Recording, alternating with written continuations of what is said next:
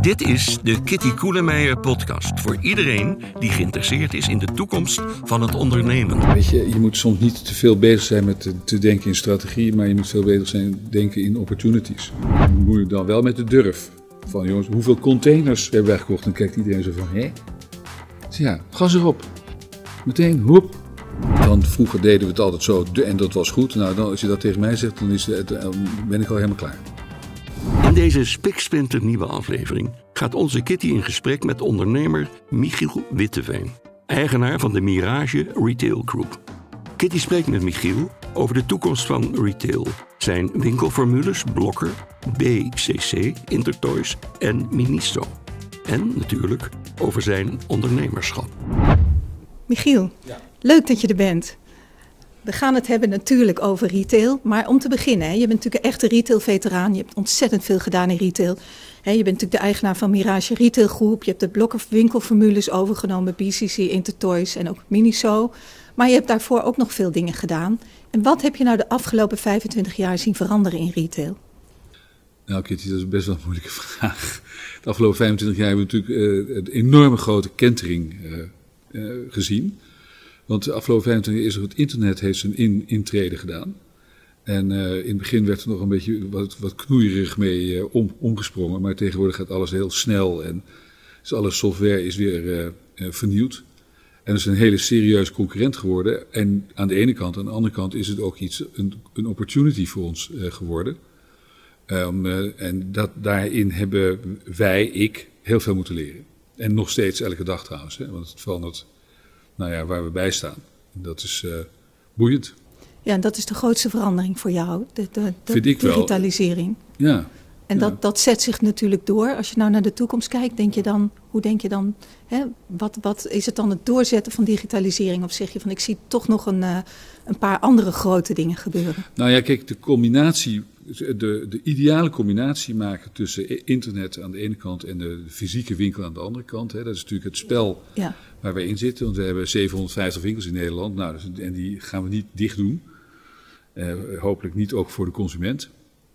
Nou, en om daar de goede winstgevende balans te vinden, dat is een enorme uitdaging. En waarom zeg je winstgevend? Want er wordt natuurlijk heel veel uh, geroepen, uh, de web, webomzet en, enzovoort. Maar winstgevende webomzet creëren, dat is belangrijk. En dat lukt in heel veel gevallen nog niet. Ik, uh, ik wil niet in de boek kijken van, uh, het is niet eens concurrent, maar van anderen. Ik heb het over bijvoorbeeld uh, Jumbo of Albert Heijn. Maar dat is food, hè? Ja, dat is food. Maar dat is ook consumentgedreven bezig zijn. Omdat dat, dat, dat thuisbezorgplatform voor hun winstgevend te maken, dat is nog een lange weg te gaan. Ja, bij food is het ook wat lastiger, omdat dagvers order pikken, dat moet allemaal handmatig. En het is wat, wat, de kosten daarvan zijn hoger dan in de non-food. Dat is waar. Maar wat wij nu proberen is in ieder geval onze, onze filialennetwerk te gebruiken als een voordeel en niet als een nadeel. En een voordeel is dat je dat, zeg maar, al, het zijn allemaal hubs. Eigenlijk, het zijn allemaal zo dark stores. In, decentrale in, magazijn, decentrale ja. distributiecentra. Ja. ja. En als je dat gewoon slim inzet, dan kan je ook op het internet kan je winstgevende omzet creëren. En, uh, en, dat is onze enige, zeg maar, belangrijkste taak. Dat we enerzijds onze filialennetwerk koesteren.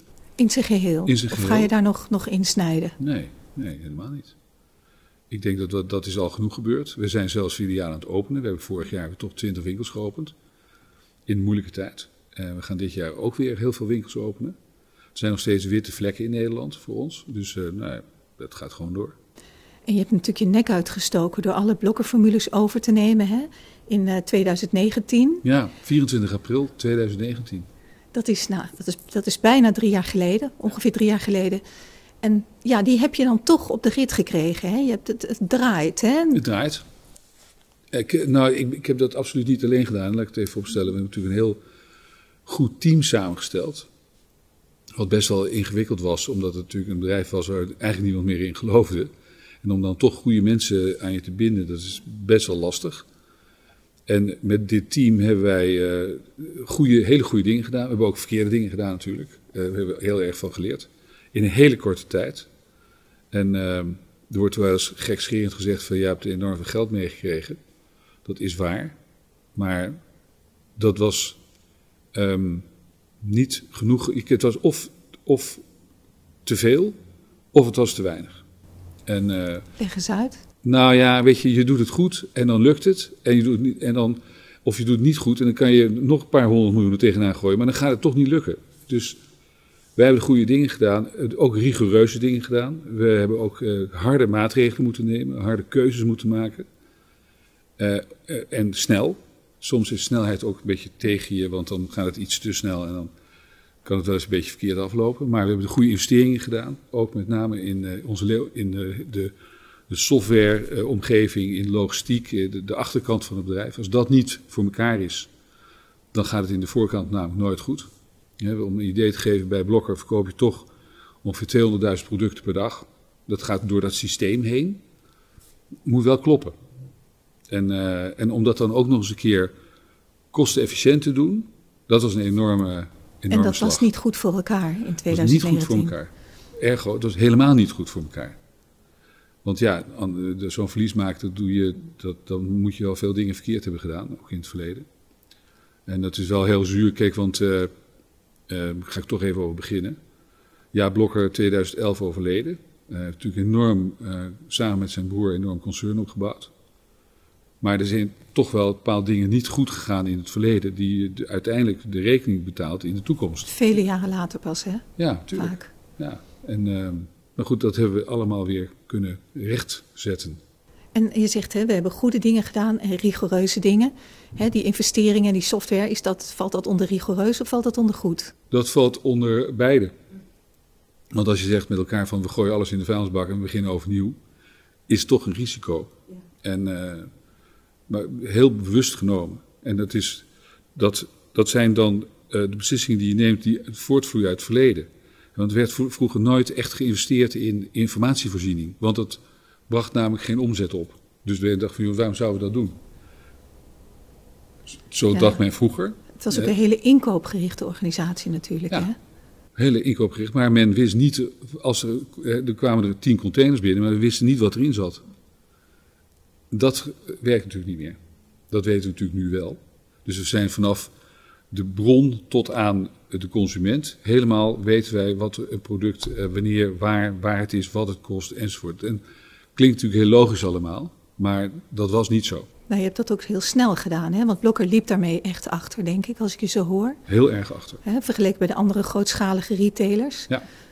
En dat heb je dan in een paar jaar heb je dat gedaan. En daar zaten natuurlijk ook grote investeringen bij die je daarvoor hebt gedaan. Ja, om een idee te geven in het uh, distributiecentrum, dat, dat alleen al kostte 18 miljoen. En als je dan met zeg maar 20 miljoen per maand verliest, en dan toch nog even 18 miljoen erin stoppen om het goed te krijgen aan de achterkant, ja. zijn best wel investeringen waarvan ik eh, redelijk heb wakker gelegen. Dat begrijp ik, dat begrijp ik. Want je ziet het geld gewoon aan alle kanten zie je de, de deur uit, uitklotsen. Maar toch nog even dit wel doen. Nou, ik denk dat je ook een beetje durf nodig hebt. En dat dit is het belangrijkste wat, heb je, gedaan, wat je hebt gedaan, of heb je ook nog andere dingen gedaan? Nou, we zijn natuurlijk ook heel goed gekeken van uh, wat is nou relevant voor onze klant. He, gewoon veel meer naar de, gewoon geluisterd naar wat de klant wil. Klinkt ook heel erg logisch, maar werd niet gedaan. En uh, we hebben, dus zijn weer gewoon teruggegaan naar de basis, de core van Blokker. We hebben het nu alleen maar over Blokker. Maar we zijn echt weer helemaal teruggegaan naar, naar af. En uh, vanuit daar weer opbouwen. We zijn nog steeds niet klaar. Hè? Het is niet zo dat als je nu naar het Blokkerwinkel kijkt, is een enorme verandering met drie jaar geleden. Maar het kan nog, het kan nog steeds beter. En er kan nog steeds er kan nog meer vernieuwing in komen. Er kan nog meer creativiteit in. Maar dan moet je die achterkant voor elkaar hebben. Dat, dat is gelukt. En nu gaan we verder bouwen. En nu gaan we weer opnieuw uh, opbouwen. Um, bij Intertoy is het natuurlijk een ander verhaal. Dat hebben we overgenomen in september 2019. Dat kwam uit een faillissement. Daar was natuurlijk al heel veel aan kosten niet meer meegenomen in het nieuwe Intertoys. Er was heel veel gesaneerd. Het hoofdkantoor ging gewoon 300 man naar 60 man. Uh, hadden wel de goede investeringen gedaan, ook weer in de, in de achterkant. Dus dat, dat was veel sneller, stond dat op zijn, op zijn pootjes. Uh, ondanks uh, dat vorig jaar vier maanden zijn dicht geweest, heeft Intertoys een zeer succesvol jaar gehad, vorig jaar. Wat ik alleen maar heel erg knap vind. Speelgoed, zeker, Speelgoed. zeker. Enorme verschuiving naar online geweest. Enorme verschuiving naar ja. online. iedereen, ook de hele grote grootgutters, die gaan allemaal speelgoed verkopen ja, op het moment dat het jou niet uitkomt natuurlijk. Ja, hè? ja. En dat, hebben ze, dat moet je allemaal kunnen, kunnen uh, pareren. Dat hebben ze echt heel, heel goed gedaan.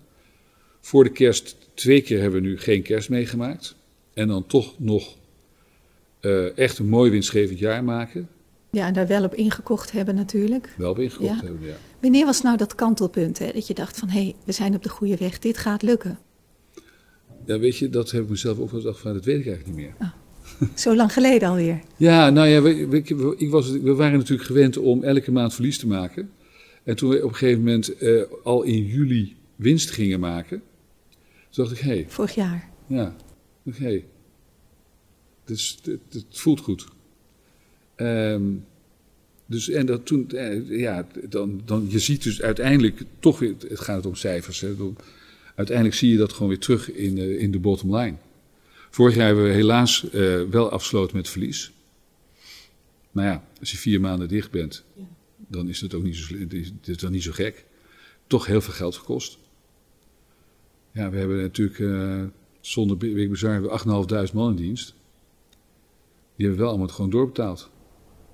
Ja, en, en geen, geen steunmaatregelen kunnen gebruiken. Nou, we hebben wel Nauwelijks. NOW gekregen. Wel. 16 miljoen. Maar op een payroll van 60 miljoen ja, is dat het is, is fijn. Hè? Maar dat, en dat is ook het enige. We hebben geen toeslag, vaste lasten. Of, uh, dat is, onze vaste lasten zijn 62 miljoen. Ja, die hebben we wel moeten betalen in die tijd. Ja, ja, ja. Weet je, dat is natuurlijk wel. Uh, en dat is. Nou, dat komt best wel hard aan. Maar dan heb je dus wel een positieve outlook, hè? want je, je weet we zijn op de goede weg. Absoluut. Wat doe je dan? Hè? Ga je dan nieuwe plannen maken of zeg je we gaan vooral stug door met wat we al deden? Hoe, hoe, hoe, hoe zit dat met jouw mindset op zo'n nou, je moment? Moet, je moet wel, ik vind wel dat je moet heel erg blijven vernieuwen. Uh, je moet nooit stilzitten. Niet denken van nou, we, we, we, zijn er. Want er gebeurt altijd wel weer, weer, iets en je moet gewoon heel erg werken vanuit je eigen kracht. Dus there's Blijf never altijd, a dull moment. Altijd uh, onverwachte gebeurtenissen. Ja. Maar voor jouw mindset, hè? je zegt we moeten gaan vernieuwen. Hoe, hoe werkt dat? Waar denk je dan aan? Dan, dan, dan loop je door de winkels of je loopt op je hoofdkantoor of thuis dat vernieuwen, waar, hoe gaat dat? Nou, waar denk je nou, aan? Ik, ik geef je een voorbeeld. Ja. We zijn uh, uh, begonnen met een eigen espresso-apparaat vorig jaar. Klinkt heel erg voor de hand, maar het is best wel ingewikkeld om dat zelf op te zetten, zelf te produceren in het Verre Oosten. Toen zeiden we, weet je wat, we gaan ook koffie doen. Nou, hup, koffiecupjes. Ook meteen 10 miljoen cupjes uh, besteld met de goede koffie overigens. Heerlijk ja, en het koffie. juiste design natuurlijk ook nog. Ja, het design. En toen zijn we over, ook nog eens een keer onze eigen SodaStream machine uh, geïntroduceerd tegen een hele aantrekkelijke prijs. Onder eigen merk allemaal. Eigen merk. Ja. Uh, we zijn met een dubbele airfryer gekomen onder eigen merk. en die, die verandering, die vernieuwing, dat moeten we gewoon blijven volhouden. Dat vind ik ook belangrijk naar onze consument toe om te laten zien wij, wij, zijn er. Wij zijn bij Intertoys, hebben we onze, we doen we samen met een partner in het Verre Oosten. We hebben zo'n soort of eigen merk. Uh, waarbij je tegen echt hele concurrerende prijzen ontzettend leuke producten in de inschap legt. Wat je niet bij de concurrent ziet. Dat is ook weer vernieuwing. Weet je, het is belangrijk. Bij BCC zijn we heel erg begonnen met onze eigen BCC-label. BCC is gewoon een sterk merk, maar dan allemaal gebaseerd op de kennis en de kunde die wij in het Verre Oosten hebben om te zorgen dat we het daar gaan maken met een betere marge. Ja, weet je, dus je blijft continu aan de praat. Waar zit de synergie in al die verschillende formules? Hè? Natuurlijk voor een deel in de inkoop, maar waar, waar zit het hem in? Want het is nogal wat, hè? speelgoed, uh, blokker huishoud, hè? even voor het gemak. Ja, hè? BCC, BCC consumentenelektronica. Hoewel nou. BCC steeds meer naar de servicehoek gaat. Hè. Ja. We hebben ook gekocht, dat misschien, misschien weet je dat niet, maar we hebben aircoshop.nl gekocht. We zijn heel druk uh, in de zonnepanelen bezig. Ik denk dat het hele service uh, verkopen van BCC bij consumenten heel belangrijk uh, is en nog veel belangrijker gaat worden. We hebben een enorme home installation groep binnen BCC. Om dat ook weer winstgevend in de markt te zetten is, best een uitdaging. Consumenten zijn natuurlijk ongelooflijk verwend. Ja, maar al die merken, al die verschillende behoeften die je, die je bedient. Ik, ik denk, kan me voorstellen dat er wel eens adviseurs tegen je gezegd hebben: stoot er wat af, want je hebt te veel verschillende dingen. Ja, weet je, nou, die ja waarschijnlijk luister je niet. Nee, nee dat, dat luister ik toch niet naar. Maar, nou ja, weet je, ik denk dat het, uh, de, de synergie zit hem uh, omdat we bij elkaar zitten. Wij zitten elke week bij elkaar. We doen heel veel aan management by walking around. We leren van elkaar, maar niet alleen qua product, maar gewoon qua managementstijl. Uh, de manier waarop we met elkaar omgaan. Uh, de manier waarop wij beslissingen nemen. Dat, dat vind ik al heel erg uh, boeiend en prettig. En ik denk dat dat ook zo ervaren wordt door mijn medebestuurders. Ja, dit is, dit is een soort beetje rebellenclub die samen het onmogelijke zeg maar, mogelijk maakt. En, en zit daar dan ook een beetje die platformisering gedachte achter? Hè? Want Blokker is daar natuurlijk mee bezig.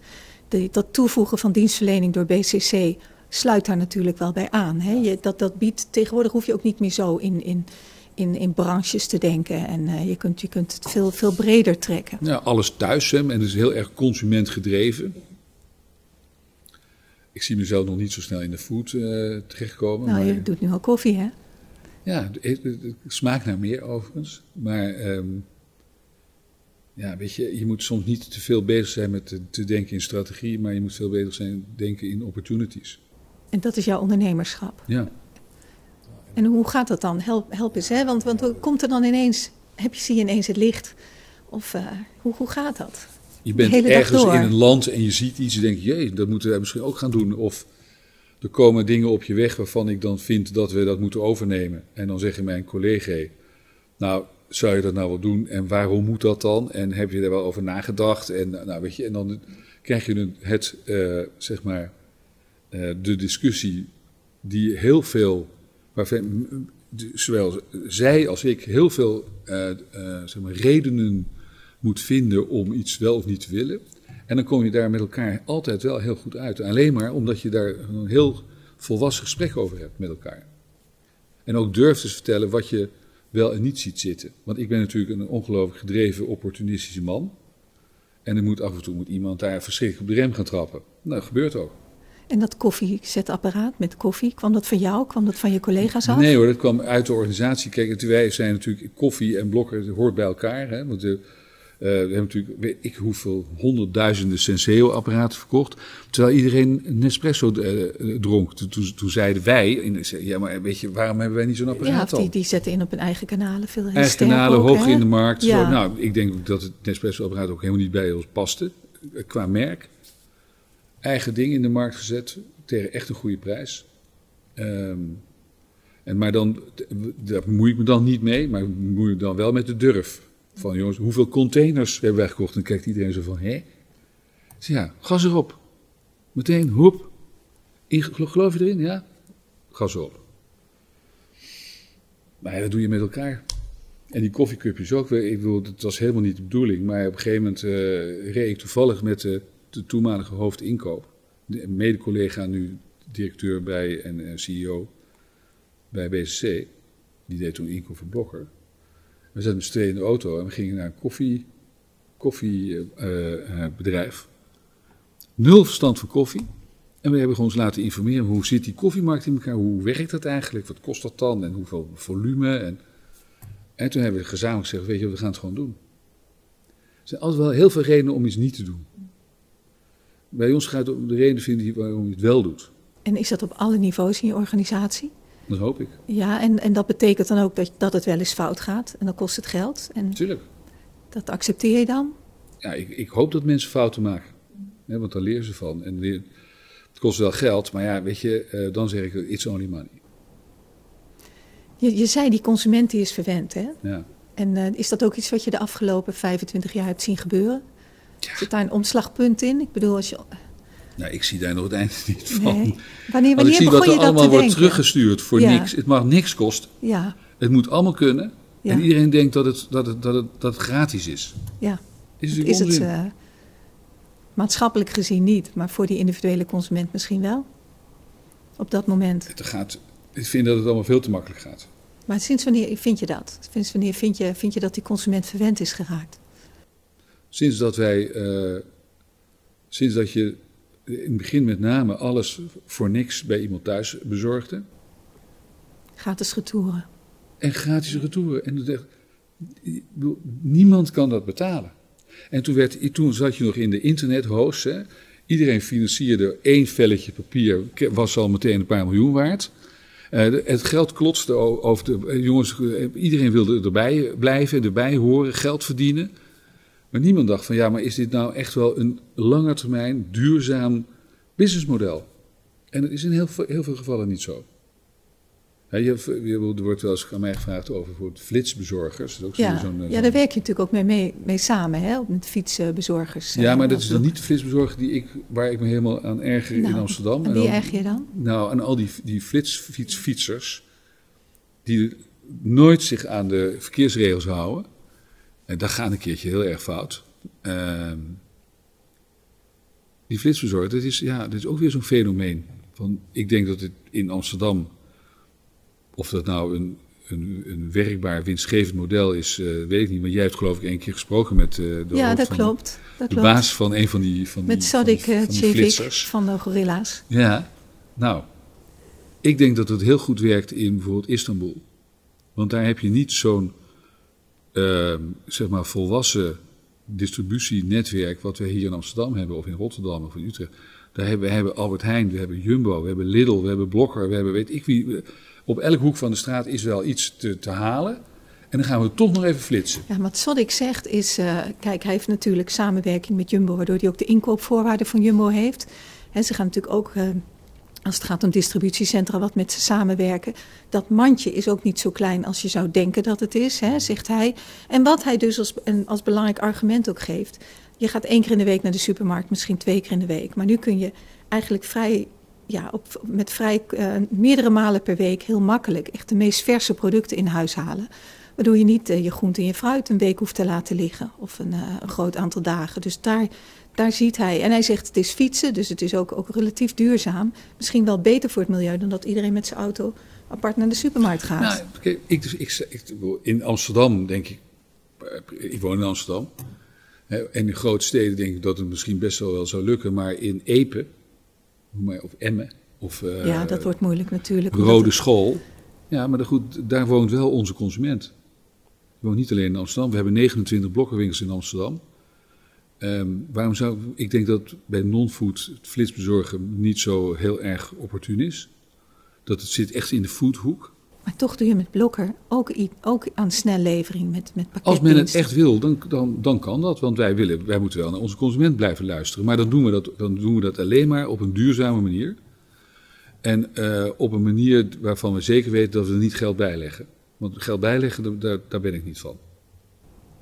Dat begrijp ik. Maar je hebt natuurlijk wel te maken met concurrenten. Hè? Of tenminste, het zijn geen directe concurrenten, die flitsbezorgers. Maar zij leren de consument wel dat het mogelijk is om heel snel, hè, of het nou een kwartier is of een uur, maakt niet eens uit, hè, heel snel je bestelling te krijgen tegen nauwelijks extra hè, kosten. Het is natuurlijk een betrekkelijk lage fee. 1,80 bij hen. Hè, het is, het is, uh, je leert het ze wel. En dan gaan ze dat denk ik ook verwachten van andere retailers. Ja, maar dat ik net eh, zei ook, hè, dat winstgevend, op een winstgevende manier proberen uh, je filiale netwerk in te zetten. Want wij hebben natuurlijk 750 winkels. We hebben 750 dark, dark stores in Nederland. Dat zijn allemaal magazijntjes. Hè? Achter de winkels. Ja, daarnaast. en om die in te zetten op een manier dat het duurzaam is en dat het uh, ook voor de lange termijn winstgevend is, dat is een uitdaging. Maar denk en dat je ook kan aan, wel. Denk je ook aan samenwerking in buurtwinkelcentra? Of, want hè, dat, dat, maar zijn jullie daarmee bezig al? Ja. En, dus heb je daar, wat, wat, nee, dat, is je nou, verwachting ik, daarvan? Dat, is allemaal nog in de, in de, zeg maar in de mind en in de, in de, in de, dat, dat is nog niet in de praktijk. Maar dat, gaat, dat moet je natuurlijk wel voor elkaar krijgen. Op welke termijn denk je? Een jaar, twee jaar? Bij ons is een jaar heel erg lang. Ja. Het is wel gebleken, want we zijn nu drie jaar bezig, ja. je het zei. Ja, maar nou, kijk eens waar we vandaan komen. Je zegt, het zit zo nog in de mind, dus ik dacht... Ja, maar in de mind, dat, dat, op een gegeven moment moet het er wel... Kijk, ondernemerschap heeft natuurlijk ook te maken met... Um, niet alleen maar over praten, maar ook doen. Ja. En als het dan niet lukt, is het jammer. Dan gaan we ook niet over zitten zeuren. Dat is een beslissing samengenomen. Jammer dan. Maar je moet wel doen. Maar wat zie je als het antwoord, want dat is eigenlijk de vraag, hè? Op, op die, die, die consument die aan ultieme convenience gewend raakt. Hè? Die gewend is op zijn wenken bediend te worden voor, voor weinig geld. Of het nou gaat om terugsturen, hè, wat natuurlijk al veel langer bestaat en nu snel geleverd kunnen krijgen. Je ziet toch ook dat, ja, dat food en non-food daarbij steeds meer door elkaar heen gaan. Wat is je outlook? En, want je zult, en welk, welk antwoord moet daarop Nou. komen? Er moet toch een antwoord op komen. Je kan niet zeggen, consument, ga maar weer terug eh, in je hok. Nee, maar dat heeft ook weer te maken met eh, investeren in, in software. Wat wij nu doen is pick from store en niet pick from warehouse. Pick from store, dat maakt je natuurlijk de, de, de lijnen naar de consument veel kleiner, veel, veel overzichtelijker en ook weer veel minder duur. Hè, bij mij in Amsterdam, een achterbuurvrouw, die stond buiten te wachten op een kratje van Albert Heijn. En ik loop naar naartoe, ik zeg, weet je, weet je wel wat jij aan het doen bent? Want dit moet allemaal eh, komen uit het distributiecentrum van Albert Heijn. En weet je waar Albert Heijn hier zit? 50 meter verderop. 50 Dat weet meter. ze vast. Dat wist ze. Ja, maar lekker makkelijk. Ja. Weet je? Ja, maar dat, Dat- is de trend wel. Ja, maar dat kost natuurlijk voor Albert Kijk, als Albert Heijn pick from store kan doen, heel ingewikkeld is dat. Eh, is mij uitgelegd door hele mensen die echt heel veel meer verstand van hebben dan ik. Eh, Dan is die, die weg naar die consument veel winstgevender te maken dan alles van from, from warehouse. Nou ja, kijk, Albert Heijn is natuurlijk een goed voorbeeld. Is in, op vers gebied natuurlijk helemaal een fantastische onderneming. Hoe ze dat logistiek voor elkaar hebben. Maar om dat er verandering in te brengen, omdat dan, en ze hebben ook nog een keer franchise-nemers, dat is dan ook weer anders. Hè? Best wel ingewikkelde Maar het is materie natuurlijk hoor. helemaal geoptimaliseerd, hè, de supply chain van Albert Heijn. Dus dat is helemaal op die. Dat, dat kan niet efficiënter, bijna. Nee, hè? En ik dan, dan ga je daar natuurlijk een enorme, enorme verstoring in aanbrengen. Als je ineens pick from store gaat doen met je voorraadniveaus. Nou ja, je kan van alles bij bedenken. Je kan er bij alles, van alles bij bedenken, maar je moet dan ook nog eens een keer je voorraad op orde hebben. Ja. Hè? Want het, kan natuurlijk niet zo zijn dat je pikt from store en het er niet is in die winkel. Dat is namelijk de grootste uitdaging. En dat, dat is, daar hebben wij nu enorm zijn we aan het in- investeren, zodat we eigenlijk in e- elke winkel onze totale voorraad beschikbaar maken voor de consument. Dus als wij iets, je komt binnen en je wil dit glas hebben en toevallig hebben we het even niet, dan kunnen wij meteen zeggen van nou, maar dat glas ligt daar wel. En wij zorgen dat het bij u wordt thuisgebracht. Dan, dan maak je dus je hele voorraad beschikbaar voor de consument. Je hebt Best ingewikkelde materie. Zeker, zeker. En ook heel erg afhankelijk van hoe je met data omgaat. Ja. Hè? Want in sommige wijken kan ik me voorstellen dat je een hele andere vraagpatroon hebt dan in andere wijken en naar andere artikelen. Hebben jullie ook, want je zegt ik heb elk assortiment in elke, het hele assortiment in elke winkel. Maar je, heb je je winkels ook, ook eh, aangepast op die, eh, op die wijken waarin die winkels zitten qua assortiment? Je, wordt natuurlijk, eh, eh, je krijgt de winkels mee die je, die je koopt. En eh, de ene is 1000 meter en de andere is 120 meter. Dat is al op zich een enorme uitdaging. Hè, om dat filialennetwerk aan te gaan passen aan de veranderende vraag in de markt. Dat zijn we wel aan het doen, maar het kost gewoon tijd. Dus het kan heel goed voorkomen dat wij in de, bijvoorbeeld in de Beterhoofdstraat, een kleine winkel, hebben we natuurlijk heel veel niet. Nou, om die, die niet-verkoop een wel-verkoop te maken, is dus heel veel voor nodig om te zorgen dat die consument tevreden blijft. Dat hij geniet, eh, zeg maar, vroeger heette dat een NV, niet voorradig. Nou, dat, is, dat, is, dat was verschrikkelijk. Eh, dat mag eigenlijk niet meer voorkomen. En dat kan om te zorgen dat je hele voorraad van het concern beschikbaar is voor die klant. En hoe belangrijk is het winkelpersoneel daarbij? De mensen die voor je werken. Ja, dat, dat, is, dat is wel weer gebleken hoeveel, hoe flexibel mensen zijn. En ineens moet je met z'n allen dicht en dan toch die mensen ineens omschakelen. We hadden het heel snel voor elkaar om spullen thuis te brengen. Nou denk je dat het makkelijk is, maar dat is helemaal niet makkelijk. Want het zijn A, heel veel spullen. Het moet allemaal kloppen, het moet betaald worden, het moet, het moet uit de voorraad geboekt worden. Het gaat allemaal met, eh, eh, weer met, eh, met, software op een hele makkelijke manier, een vriendelijke manier dat ze doen voor het personeel echt petje af hoor. Hoe die mensen allemaal, ze hebben gewoon omgeschakeld. En eh, we hebben 8.500 man in dienst en ik ben ongelooflijk trots op. Echt, echt trots op. En heb je ook een bepaalde manier, hè, heb je een blokkeropleiding of een, een blokker DNA wat je, wat je moet eh, verwerven als je daar werkt? Niet alleen met even- blokken. nou, ik bedoel, al jouw formules natuurlijk. ja, hè? iedereen, wij, wij, wij hechten heel veel waarde aan, aan, aan opleiding. Ehm, daar stoppen we ook heel veel geld in. Dat vind ik ook heel wel verdiend geld, zeg maar. En dat blijven we ook doen. En dat is in elke formule weer natuurlijk anders. Maar eh, je kan niet gen- genoeg eh, eh, geld en aandacht stoppen in opleiding. En, eh, Maar even over die platformisering. Hè. Wat je natuurlijk gaat krijgen is een, een geheel van online-offline geïntegreerd, maar ook over verschillende branches, hè, over je verschillende formules. Dan ga je dan services aan toevoegen. Hè, als ik even een, een, toekomstbeeld schets. En dat sluit ook wel een beetje aan bij wat Janine zegt. Hè. Wij, wij denken, hè, zij sprak natuurlijk voor Blokker toch een, aan dat platformmodel. Waar je misschien ook andere aanbieders nog gaat toelaten. En hè, eigenlijk een heel behoeftedomein van je, van je klanten gaat vervullen. Nou, je zou, eigenlijk zou je toe moeten naar een soort uh, uh, totaal ontzorgabonnement voor de klant. En uh, dat kan natuurlijk ook heel erg in alle apparaten die men iedereen thuis heeft zorgen dat het altijd doet, dat het altijd onderhouden is, dat, wij, dat, er, dat, er, hè, dat er totale ontzorging plaatsvindt van, uh, van, je, van je klant. Een soort abonnementachtig iets. Daar gaan we wel naartoe, ja. Ja, dan maak je ze nog luier hè, dan ze... Ja, maar dan maak je ze voor ons, uh, is het in ieder geval, kunnen wij dat winstgevend maken. Want dan weten we wel wat, we, wat er van ons verwacht wordt, maar dan kunnen we ons daar ook helemaal op plannen en dat kan je op een hele efficiënte manier ja. kan, kan dat regelen. En je dus- voorziet in de behoefte. Ja, ja, maar je, het moet uiteindelijk wel gewoon geld opleveren.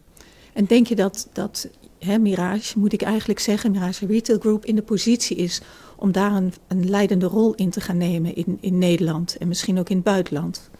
Nou, het buitenland zie ik nog niet zo gauw gebeuren. Naar België? België nee, nee. nee, ook niet. Duitsland? Nee. Nederland dan even? Alle activiteiten in het buitenland zijn we gestopt. Maar dat had een bepaalde reden, omdat wij zeiden van jongens, stick to, your, to the core business. En we kunnen niet ook nog eens een keer landen erbij, dat is allemaal veel te ingewikkeld. Het sluit niet uit dat we dan in andere landen wel uh, geld zouden kunnen verdienen, maar dat zie ik voorlopig in. Uh, onze sterkte ligt nu in Nederland. Maar dat is eerst even goed, uh, goed doen. En um, ja, dus buitenland, dat zie ik nog niet gebeuren. Maar je hebt wel concurrenten die uit het buitenland komen, hè? ook op de Nederlandse markt. Je hebt natuurlijk Amazon, Bol.com, je hebt Alibaba en natuurlijk nog veel meer, ja. veel andere. Laat ze ook komen. Ja, die komen ook. Ze zijn er al volgens Maar wat, hè, wat ja zeker. En, en ja, als jouw antwoord is, hè, we gaan zo'n zo'n ontzorgmodel, zo'n platform maken. Wat uh, denk je dat je daartoe beter in staat bent dan, dan anderen? Dat is eigenlijk mijn vraag. Nou, beter weet ik niet. Of, ik weet niet of we dat beter kunnen, maar ik denk dat wij het op onze eigen manier wel heel goed zouden kunnen. En hoe anderen dat doen, moeten lekker zelf weten. Ja, weet je, uh, ik, ik hou me er nooit heel erg mee bezig. Ze zijn er wel, maar... Wat is je antwoord op de Amazons van deze wereld? Ons antwoord op de Amazon is dat wij de unieke combinatie kunnen leggen tussen de winkel en het internet. En dat heeft Amazon niet. Nee, die heeft zelfs winkels gesloten. Hè? Dat, dat lukt ze gewoon echt niet. Dat lukt ze niet. Nee, en waarom lukt het ze niet, denk je? Nou, kijk, in Amerika is het natuurlijk heel wat anders. Hè? Die ja. afstanden die zijn natuurlijk echt enorm. Ja. Wij hebben natuurlijk een heel fijn mazig net. Nederland is maar een boerderijtje aan de Noordzee. Hè? Laten we het even wel uh, niet overdrijven.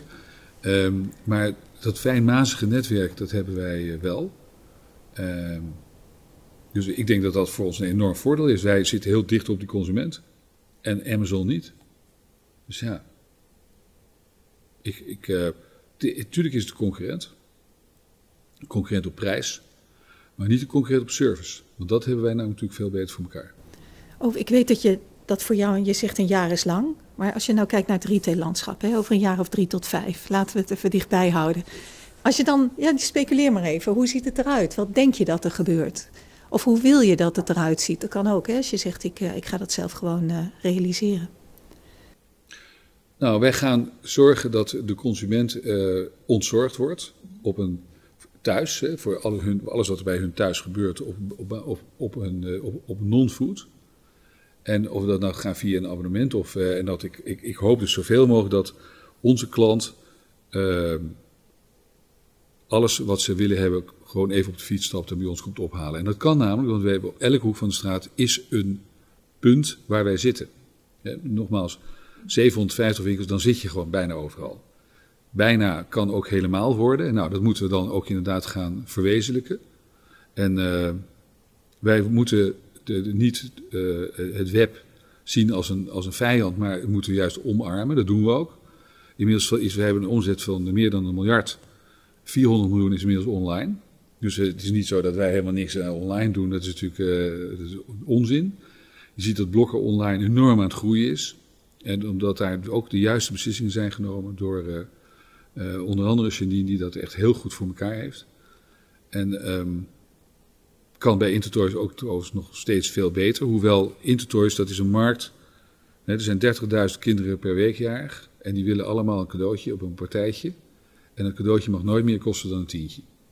Dat koop, koop je niet op het internet. Want dat is namelijk niet winstgevend naar iemand, toe te, naar iemand thuis te brengen. En daar is Intertoys gewoon by far de grootste in in Nederland. Eh, daar kunnen we nog, nog veel meer in doen, maar dat is gewoon echt een sterke positie. En als je in die markt zorgt dat je gewoon een hele goede marge maakt, dan ben je het hele jaar door verkoop je goed, eh, speelgoed. Dat is belangrijk. Als je kijkt naar de binnensteden, hè, daar zijn natuurlijk veel zorgen over. Hè, hoe dat eh, door de leegstand, buurtwinkelcentra doen het boven verwachting goed, want die waren een paar jaar geleden natuurlijk afgeschreven, als ik het even zo onaardig mag zeggen. Uh, hoe kijk jij naar die binnensteden? Want, want jullie zitten daar natuurlijk. Jullie zitten en in de binnensteden en in de, in de buurtwinkelcentra. Wat gaat daar gebeuren de komende jaren en wat moet er ook gebeuren?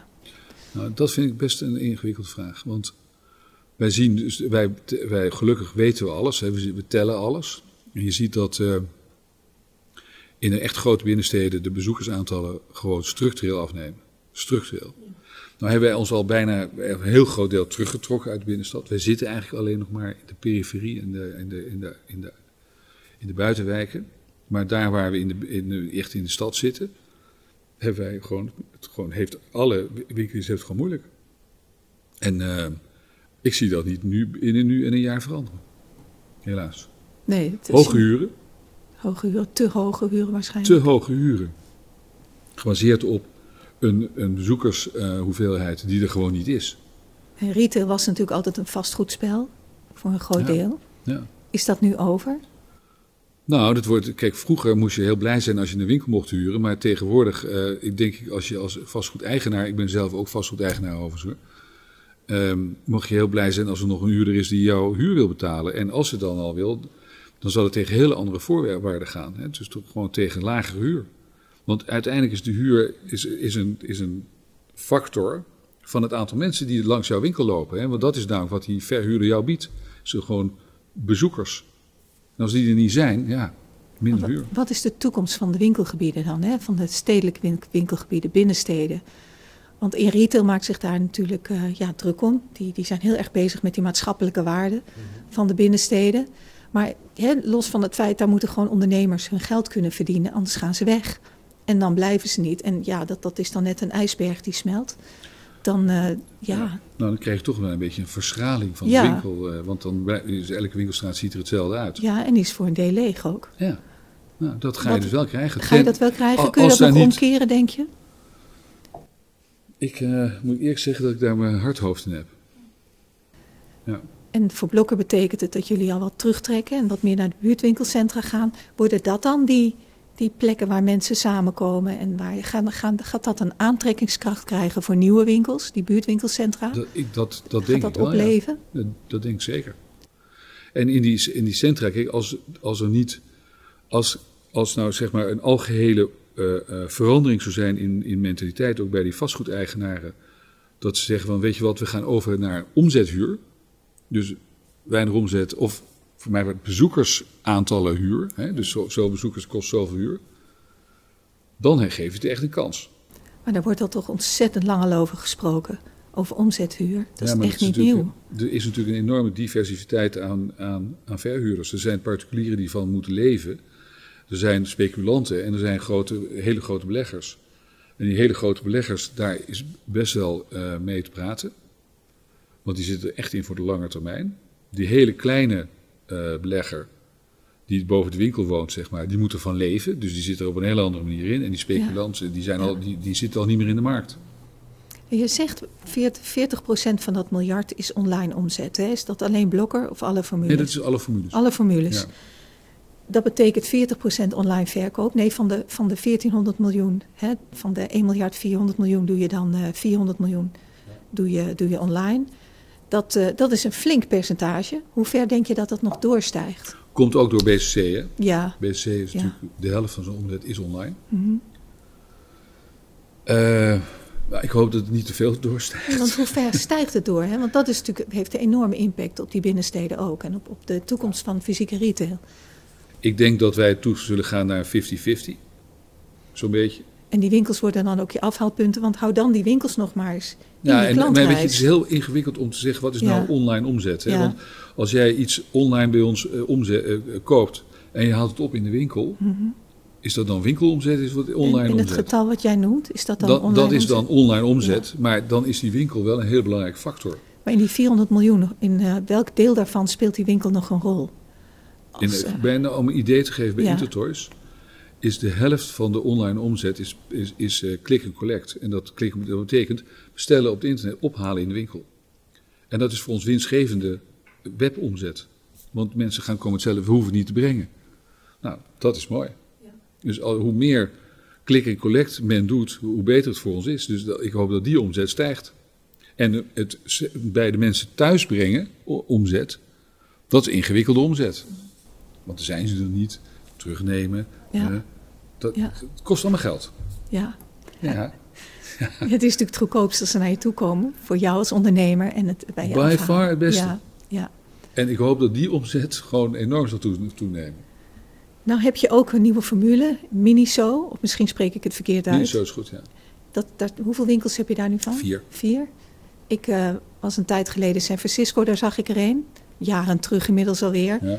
En, eh, hoe past dat bij de rest? Want het is natuurlijk een, een, een, ja, een leuke, grappige, aparte winkelformule. Leuk apart. gaan. Wij dachten van nou, we doen het om het, misschien leren wij, wij vinden het ook een leerzaam proces. Hè? Dus het is toch een andere, andersoortige. het is winkel. Chinees, hè? Chinees, oorspronkelijk, Chinees, ja. Met een beetje Japanse invloed. ja. Maar je ziet dat eh Miniso is heel goed in de grote binnensteden. Nou, daar de, de aantal bezoekers dus gewoon af. Dus wij hebben gewoon even nu de, de on hold gezet. De investeringen daarin. Want ja, we zien gewoon dat we te weinig bezoekers krijgen. De, de, de gemiddelde boelbedrag is goed. De conversie, hè, de mensen die binnenkomen, die kopen. Dat, Veel impuls, hè, denk Die ik. is goed. Ja. Dus dat is allemaal oké. Maar er komen gewoon, er lopen te weinig mensen op straat. Nou vind ik dat nu eh, iets te vroeg om daar nog een conclusie aan te verbinden. Hè, want we zitten nu in maart. Dus ja, we moeten maar eens even kijken hoe dit jaar eh, verder gaat ontwikkelen. Maar we hebben het even on hold gezet. We gaan even nu niet daar gas op zetten.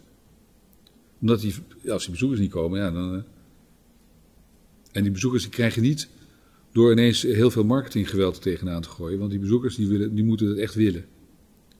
Met elkaar gewoon weer naar die, naar die Nou, winkels anders zou dat ook betekenen met, met dit soort impulsformules... Mhm. dat jij in staat bent om die winkelstraat eigenhandig een nieuw leven in te blazen. Hè? Nou, zo, zover zijn we nog niet. Nu zitten we ook in een, een periode waarin de inflatie sterk toeneemt. Wat Ja. betekent dat voor jou en, en je bedrijf? Nou, dat betekent dat je moet natuurlijk heel erg... eh, uiteindelijk betekent het dat die consument eh, is uiteindelijk gewoon de klos. Want wij moeten natuurlijk die, die hogere inkoopprijs... Dat, dat, dat zal zeker leiden tot een hogere verkoopprijs. Of je dat helemaal kan doen, dat heeft heel erg afhankelijk hoe je concurrenten erin staan. Maar die zullen dat ook moeten doen, want die hebben dit ook mee te maken. Aan de andere kant heb je natuurlijk kostenstijging, want je huren gaan omhoog. Hè, die zijn allemaal geïndexeerd. De lonen gaan omhoog. Dus uiteindelijk krijg je een soort reset moment. Dat alles gewoon gaat omhoog. Ehm, in het verleden is het gebleken dat het niet zo erg hoeft te zijn voor de retailer. En wat je altijd hoorde is, een retailer is blij met een beetje inflatie. Want dan krijgen mensen inflatiecorrectie op hun, eh, op hun inkomen. En dat extra geld geven ze ja, voor het geheel of misschien zelfs nog wel meer dan dat uit in de retail. Omdat het voelt alsof je ineens meer geld ter beschikking hebt. Maar als die inflatie maar hoog genoeg is, dan, dan werkt dat natuurlijk niet meer. Nee, en dit, kijk, inflatie is een, is, een, is een samenraapsel van allerlei eh, eh, producten en, en, en diensten. Maar die energieprijzen, die gaan natuurlijk gewoon door het dak heen. En die mensen die, die, die, hè, de mensen die dan meer loon krijgen, die moeten gewoon dat hele loon, dat gaat gewoon naar de energiemaatschappij En de benzine. en de benzine. En eh, dat heeft een gigantische impact. En hoeveel, ja, weet je, het is natuurlijk heel erg afhankelijk wat er gebeurt in de wereld. Ehm, ik hoop dat het allemaal heel snel wordt opgelost, maar ik, ik ben een enorme optimistisch iemand. Maar het ziet er wat best wel eh, eh, moeilijk uit. En, dus dat is, dat is wel een zorg. Hè? Maar aan de andere kant proberen wij daar natuurlijk ook weer op in te spelen. Zeggen van, nou, energieprijzen gaan omhoog. Dus hoe kunnen wij daar wat aan doen? Nou, we gaan eh, mensen thuis op een andere manier moeten omgaan met hun energie. Dat moet je de mensen leren. En dat heeft dus ook weer te maken met split airco units die wij verkopen. Dat is de ene kamer koud en de andere kamer warm. Nou, dat kan je allemaal tegen. Je kan alles maken te- tegenwoordig op een goede manier. Zonnepanelen vind ik heel belangrijk. Duurzaamheid is belangrijk. Eh, warmtepompen wordt echt gigantisch belangrijk. Het zijn allemaal investeringen die mensen moeten doen in hun huishouden, waar je ze mee moet helpen. Misschien moeten we dat ook als een ab- abonnementenvorm gaan verkopen. Dus daar zijn we wel heel erg druk mee bezig, want die energieprijzen gaan namelijk niet naar beneden. Voorlopig niet, hè? Nee.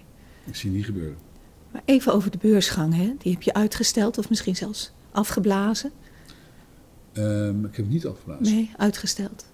Voor onbepaalde tijd. Uitgesteld. Even regroupen, zoals het heet. Ehm, ik zag natuurlijk aankomen, niet ik, wij zagen aankomen dat wij afgelopen jaar verlieslatend zouden afsluiten. En dat is, zijn niet enorme bedragen overigens, maar het is wel een verliesje. Ehm, dat vindt de belegger niet leuk. Dus dat vond ik al, dacht ik, nou, dat ga ik niet verkopen. Eh, ik vond ook dat we te veel werden, afhankelijk werden van adviseurs. Daar hou ik ook niet zo van. Dat hoort daar wel bij. ja, maar ik ben natuurlijk wel ondernemer. En ehm, we moeten wel kunnen bewegen.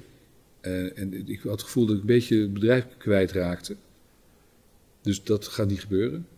Maar ik, ik, ik denk dat een beursgang eh, nog steeds een van de mogelijkheden is. En maar alleen misschien op een wat andere manier dan zo'n full-fledged IPO. Nou, welke manier moet je niet vragen. Want, maar daar kom ik dan nog wel een keertje op terug. Maar ik wil je wel vragen waarom je naar de beurs wilde, waarom je die plannen maakte. Nou, dat heeft heel erg te maken met de duurzaamheid in de aandeelhoudsstructuur. Eigenlijk het enige. Ehm, ik ben eh, niet eh, eh, onsterfelijk, zoals wij allen. En ik vind, je moet het bedrijf niet opzadelen met een aandeelhoudersstructuur die niet bij het bedrijf past. Kijk, op het moment dat je op de beurs bent, dan heb je dat, het aandeelhouderschap is dan gewoon structureel geregeld.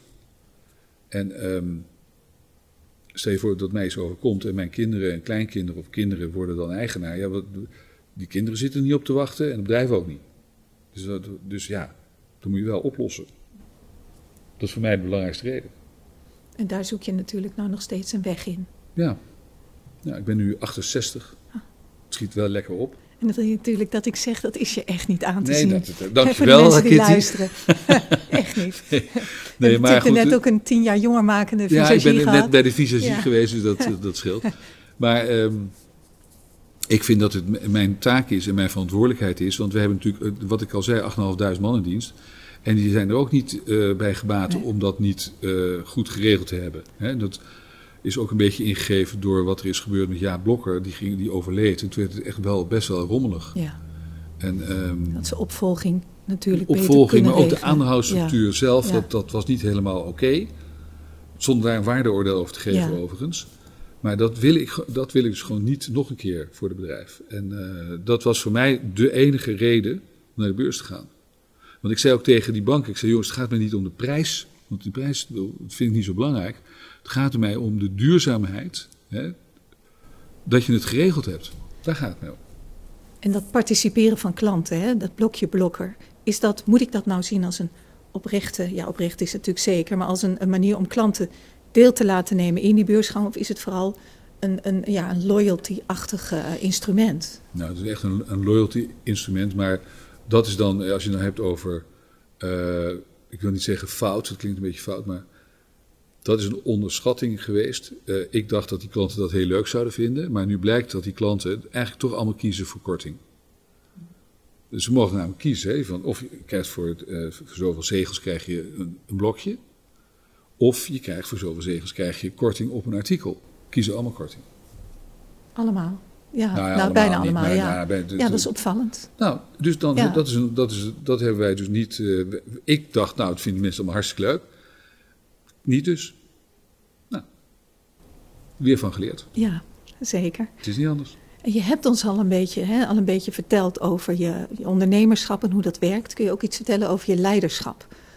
Hoe, geef jij, hoe leid jij een bedrijf? Kun je dat typeren? Het is natuurlijk altijd lastig om dat zelf te, van jezelf te zeggen. Ja, dan moet je vragen aan mijn collega. Maar ja, jij zit nu hier. Ja, ik zit hier. Maar ja, ja god, ja, hoe, dat, doe je, dat, dat, dat is gewoon een natuurlijk dingetje volgens mij. Heb je daar een bepaalde, kun je stijl typeren? Je krijgt natuurlijk wel eens feedback. Ik denk dat ik een hele faire uh, uh, leider ben, management by walking around. Dat, is gewoon uh, mensen heel veel kansen geef. mensen ook de mogelijkheid geven om te vertellen wat ze, wat ze vinden. Ik luister heel goed, maar ik, ik neem af en toe ook wel gewoon de duidelijke harde maatregelen. Moet ook gebeuren. Dus het is een combinatie van het een en het ander. En ik ben een enorme teamplayer. We doen het echt samen. Zo voel ik dat ook. En we hebben nog nooit hebben wij een situatie gehad dat ik met mijn vuist op tafel had moeten, moeten slaan en zeggen we gaan linksaf. Terwijl het team vond dat we rechtsaf moeten. Dat is nog nooit gebeurd en dat gaat ook niet gebeuren ook. En hoe realiseer je verandering? Door heel erg duidelijk te zijn in je communicatie, dat is heel erg belangrijk. Je moet echt heel duidelijk zijn. We moeten met z'n, zijn met elkaar eens en daar naartoe. En dan gaan we ook gewoon ruksigloos erin. En is voor, soms is het best wel lastig. Er zijn ook heel wat koppen gevallen, zeg maar, in uh, dat proces. Allemaal in, in de top en niet onderin. De, de, onderin klinkt een beetje denigrerend, maar dit is niet zo bedoeld in de grote bulk van de mensen, daar is echt helemaal niks gebeurd. Maar echt in de top zijn gewoon. Uh, als je niet mee wil doen, dan hoor je er niet bij. Is niet anders. Is dat my way or the highway? Of is dat een, een verzet tegen verandering? Wat is het? Hè? Gaat het om de inhoud of wil het gewoon niet anders? Nee, want vroeger deden we het altijd zo en dat was goed. Nou, dan, als je dat tegen mij zegt, dan is het, ben ik al helemaal klaar. Ligt daar ook de bron van innovatie? Want als je, als je een innovatieve bedrijf wil zijn, je wil innoveren, dan, dan moet dat natuurlijk ook ergens vandaan komen. Ja, dat, en uh, dat was in het begin heel erg lastig.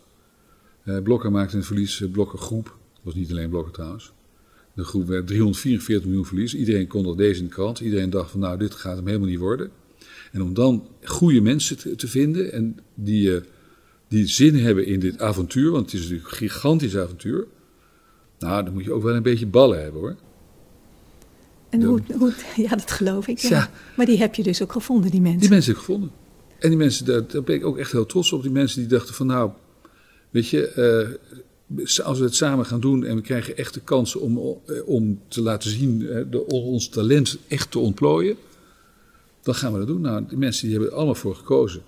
En dat vind ik knap. Participeert jouw topmanagement ook in de onderneming? Ja. Of, of, iedereen? Of alleen het... Het topmanagement. Ja. Dus dan, dan nemen ze natuurlijk zelf ook een deel van het ondernemersrisico mee. Ja. Klein deel. En dan voel je ook wat het is om ondernemers te zijn. Hè? Ja. Ik bedoel, uh, als je echt een beetje een foutje maakt, en het kost behoorlijk, het is allemaal ook eigen portemonnee.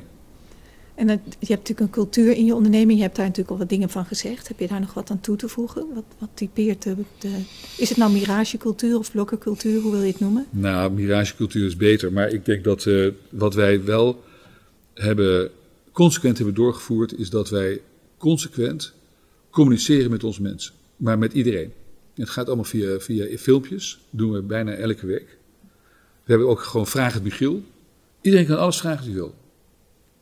Tenzij het gewoon eh, persoonlijke vragen zijn, dat, dat doe ik niet. Maar vraag het en we krijgen een antwoord. En dat wordt gewoon voor de camera. We vertellen ook hoe gaat het met het bedrijf. Waar zijn we mee bezig? wat hebben we niet goed gedaan met z'n allen? Wat kunnen we veel beter doen? Voor iedereen. En dat was natuurlijk iets wat uh, niet bestond binnen het bedrijf. Het is een hele erg gesloten familiecultuur. Alles was een beetje geheim, weet je wel. Het allemaal een beetje. Dat hebben we niet meer. Zal ik nog het water inschenken voor je? Nee, dankjewel. Oh. Ben oké. Hoe, hoe is jouw leiderschap veranderd door de jaren heen? hoe ben jij zelf veranderd? Had je bijvoorbeeld twintig jaar geleden kunnen doen wat je nu doet? Absoluut niet. Wat, wat is er veranderd?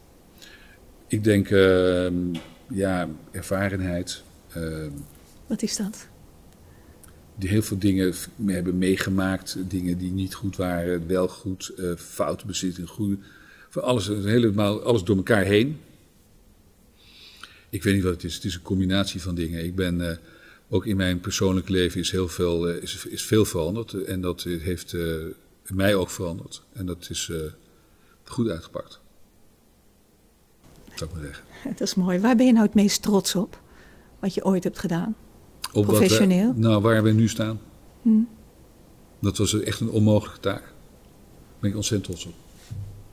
Moet je zelf een goede retailer zijn om een retailorganisatie te leiden? Hè? Ik kom die vraag vaak tegen. Je hebt natuurlijk mensen uit aan fabrikantenzijde, aan, ja, die, die een beetje van de retail afstaan. Heb je echt een retailer nodig? En de vraag stellen is niet het antwoord weten. Hè? Het is gewoon echt een open vraag. Ik vind van niet.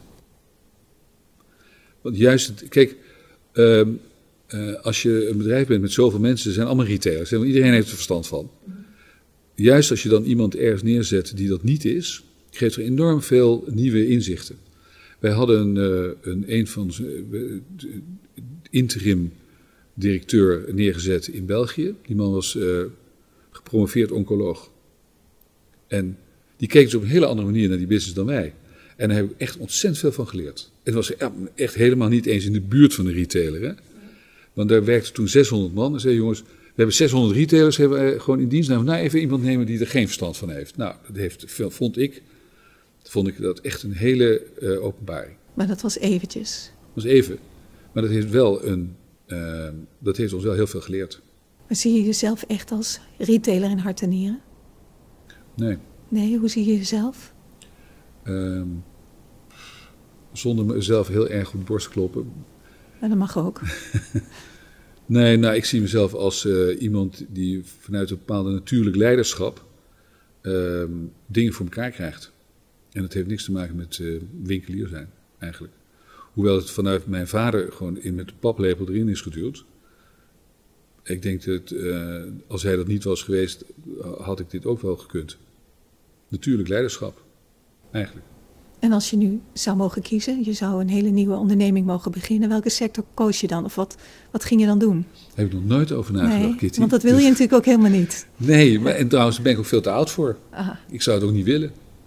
Nee, dat zou, dat zou ik niet Maar de doen. jonge Michiel, nu, hè? Ja, nee, ja weet het, ik heb, Wat had je gedaan, denk je? Ik heb geen idee. Ja. Ik heb echt geen idee. nou, we hebben, ik heb altijd een vraag: welk advies, welke tips heb je voor jonge managers en ondernemers? Dat zijn mensen die die leeftijd hebben, hè, die, die jij ook, ook ooit had. En die ja, aan, een, aan hun carrière bezig zijn of aan het ondernemen. En je zegt zelf: het maakt niet zoveel uit waarin je onderneemt. Nee. Welk advies heb je voor die mensen? Um, ik denk dat je heel erg dicht bij jezelf moet blijven. In de zin van: wat kan ik wel en wat kan ik niet? Dat je dat heel duidelijk voor ogen hebt. Dingen die je niet kan, niet doen. Geef eens een voorbeeld van dingen die je wel of niet kan. Nou ja, weet je, iedereen, iedereen heeft wel iets wat hij niet kan. En, maar met name, ik vind dat het mannen dat heel veel last van hebben. Die hebben heel vaak vinden dat ze alles kunnen, wat namelijk echt niet zo is. Vrouwen zijn daar veel realistischer in. Die ja, doen soms veel, te. Soms te, maar ook maar zijn toch veel realistischer van, nou dat kan ik niet, dat doe ik het niet. Ik kan heel veel dingen, ik bedoel, 90% van dingen kan ik niet, maar die 10 kan ik juist heel erg goed. Dus die 90, dat laat ik over aan mensen die, die dat kunnen. Hè? Dus delegeer spullen, die, dingen die je niet kan aan, aan mensen die, die, die dat wel kunnen. Heb durf.